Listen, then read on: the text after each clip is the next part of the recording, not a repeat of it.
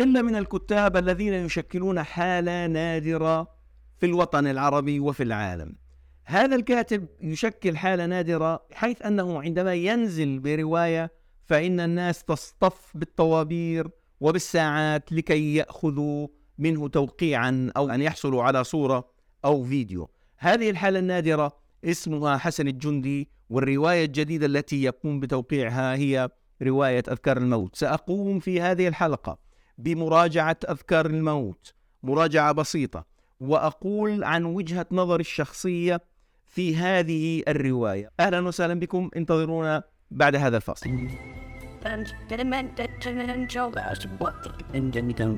أهلا وسهلا بكم في حلقة جديدة من برنامجكم برنامج ظهر عصفور. إذا كانت هذه أول مرة تشاهدني أو تتابع هذه القناة فهذه القناة تهتم بالثقافة وبالأدب وبالكتاب. إذا لم تكن مشتركا بالقناة أرجو أن تضع like و share و subscribe لكي يصلك كل جديد من هذه القناة. هذه الحلقة نتحدث عن حسن الجندي. حسن الجندي معرفتي به يعني قديمه بعض الشيء. في أول ظهور الفيسبوك كان هذا الرجل ينشر على آه، صفحته الشخصية وصفحات أخرى على الفيسبوك ينشر جزءا من رواياته لا أعتقد بأنه كان قد طبعها بالعكس كان ينشر على الفيسبوك. ومن ثم من بعد هذه المنشورات انتشر اسمه آه، بين صفوف القراء وخصوصا من جمهورية مصر العربية حيث كانوا له قراء وما زال يعني له قراء كثر. تهافتت عليه دور النشر ونشرت له آه، والرواية له كانت لها ضجة هي ثلاثية مخطوطة ابن إسحاق. هذه الرواية كانت من أجمل ما قرأت في الرعب في الوطن العربي. أسلوبه كان يعتمد أولا على الغرائبية موضوع الجن والعفاريت والموضوع غريب وأن تدخل هذا العالم الغريب اللي هو عالم الجن والعفاريت كان شيئا جميلا.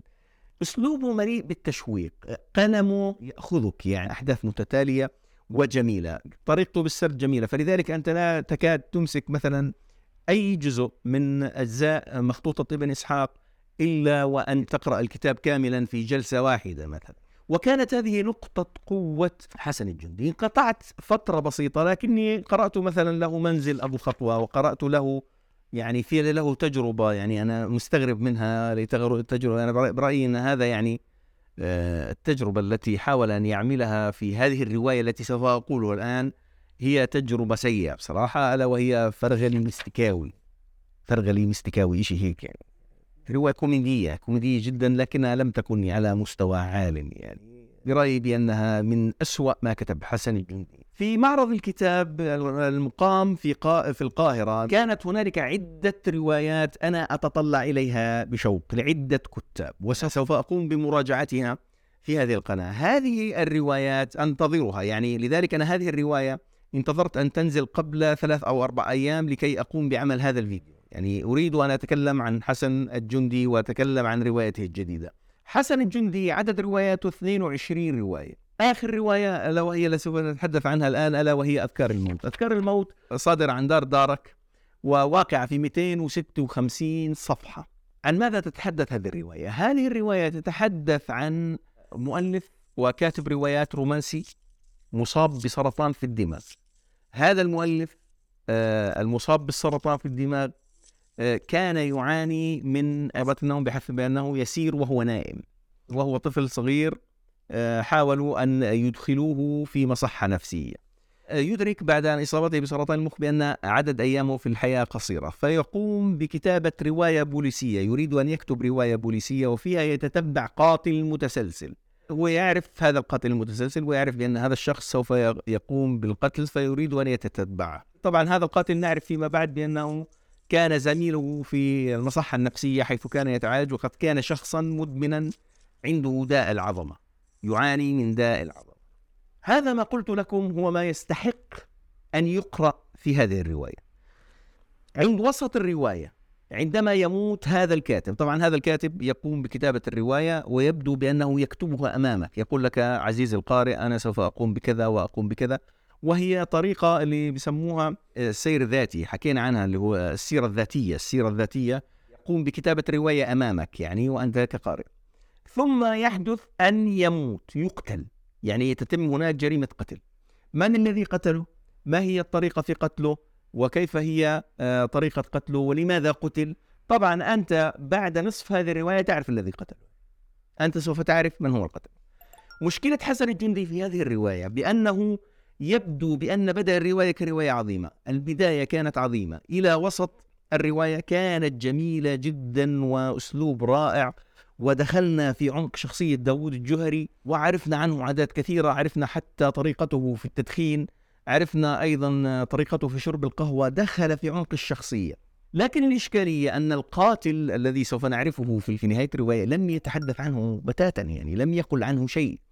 يعني حاول أن يدخل في حياته وقال لنا بأنه متزوج وأن لديه فتاة وأن لديه بنت آه، وأنه يعمل كمحامي لكن لم ندخل إلى أعماق شخصيته وهو المفروض أنه من الشخصيات الرئيسية في هذه الرواية. المشكلة الأخرى هي كانت في ضابط الشرطة الذي يساعد داود الجهري. أيضا ضابط الشرطة لم نعرف عنه الكثير. الشخصيات الفرعية عرفنا عنها الكثير. يعني عرفنا مثلا عن الطبيبة النفسية التي تعالج وعرفنا عنها الكثير. آه، عرفنا أيضا عن آه، الطبيبة طبيبة السرطان التي تقوم بمعالجته من السرطان الدكتورة ابتهال. عرفنا عنها الكثير وهي شخصية فرعية وثانوية لكن الشخصيات الرئيسية لم يقم حسن الجندي بكتابة ما يرضي عطش القارئ لهذه. ويبدو بأنه وقع في فخ. الفخ نصبه لنفسه من اول صفحتين أو ثلاث صفحات في هذا الكتاب. ما هو هذا الفخ؟ تحضير الأرواح. قال في هذه الرواية في أول صفحتين أو ثلاث من الرواية بأن هنالك جلسة تحضير أرواح وأن هنالك شخص قام وقال أن هذا الذي تعملوه هو عبارة عن خداع وأن هذا ليس له علاقة آه، لا من قريب ولا من بعيد بالواقع وأنكم عبارة عن نصابين. أراد أن ينهي حسن الجندي هذه الرواية بنفس الطريقة فقام بعمل اللي هو استحضار الأرواح جلسة استحضار الأرواح. المشكلة في هذه الرواية والمشكلة في هذه الطريقة وفي هذا التدخل وفي هذا العامل الذي وضعه في الرواية بأنه سلب الرواية من قوتها أو قام بقتل الرواية مبكرا بسبب هذه المشكلة التي وضعها في بداية الرواية وأراد أن يستمر بها. تحذير الأرواح في مجتمعاتنا العربية شيء مرفوض منطقا ودينيا ولا يكاد الناس يتكلمون عنه. يعني ممكن أن يكون هنالك شيء مفروض منطقا ويمكن أن نتحدث عن شيء مرفوض دينيا ممكن أن نتحدث عن شيء مرفوض دينيا لكن يجب أن يكون هنالك لديه قبول شعبي. يعني مثلا لو قلنا عن حفلة الزار وقلنا وقلنا عن إخراج جن من الملموس آه، ربما تقول آه، هنالك أناس يقولون بأن هذا واقع ويمكن أن تجد ناس يعملون ويمكن أن يقول يوجد هنالك أناس يقولون أن هذا شيء ينافي المنطق والواقع لكنه موجود موجود في الحياة.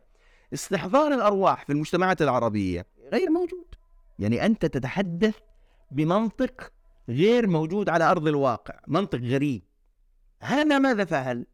هذا صدم القارئ وفصله عن الرواية. هذا المنطق فصله عن الرواية. ما يناسب بريطانيا وما يناسب أوروبا وما يناسب دول العالم لا يناسب المجتمعات العربية بالضرورة. هذا لا يعني بأن كل شيء يأتي من الغرب هو مناسب لنا. وكذلك أيضا في الرواية هذه استحضار الأرواح عملية مرفوضة أصلا جملة وتفصيلا وغير موجودة عند الشعب. أنا لا أذكر أنني سمعت في حياتي عن أناس قاموا باستحضار الأرواح.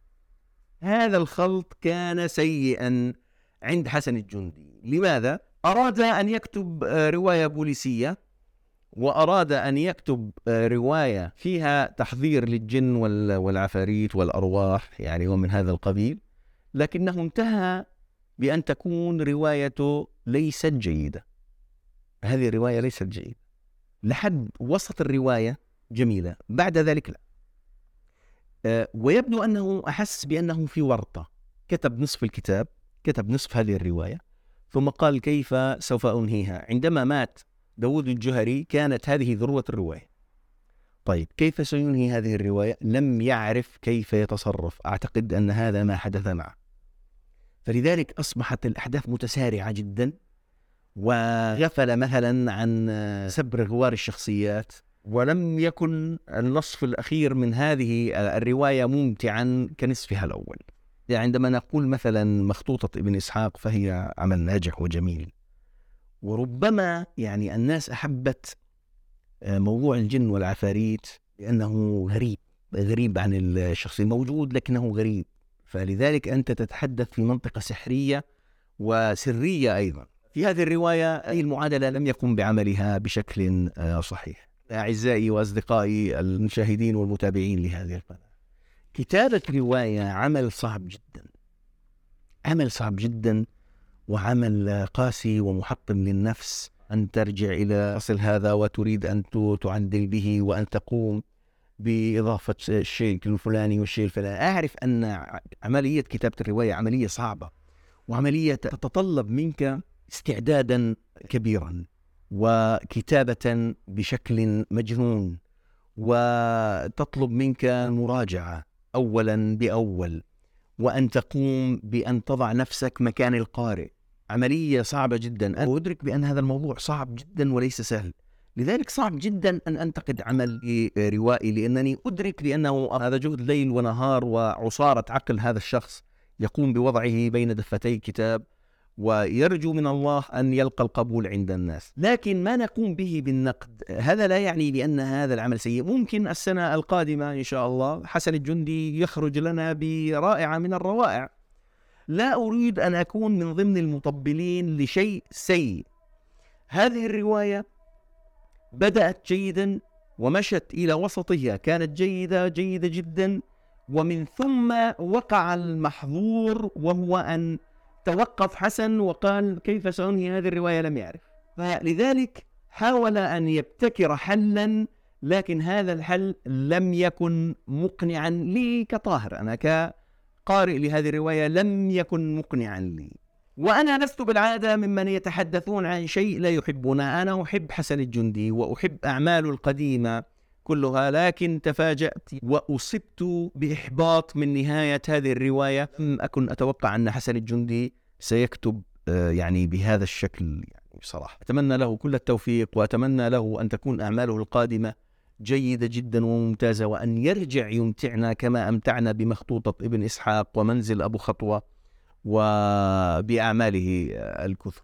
إذا أعجبتكم هذه الحلقة فلا تنسوا ال share وال like وال subscribe وأراكم إن شاء الله في الأسبوع القادم وفي حلقة جديدة. وما توفيقي إلا بالله. السلام عليكم ورحمة الله وبركاته.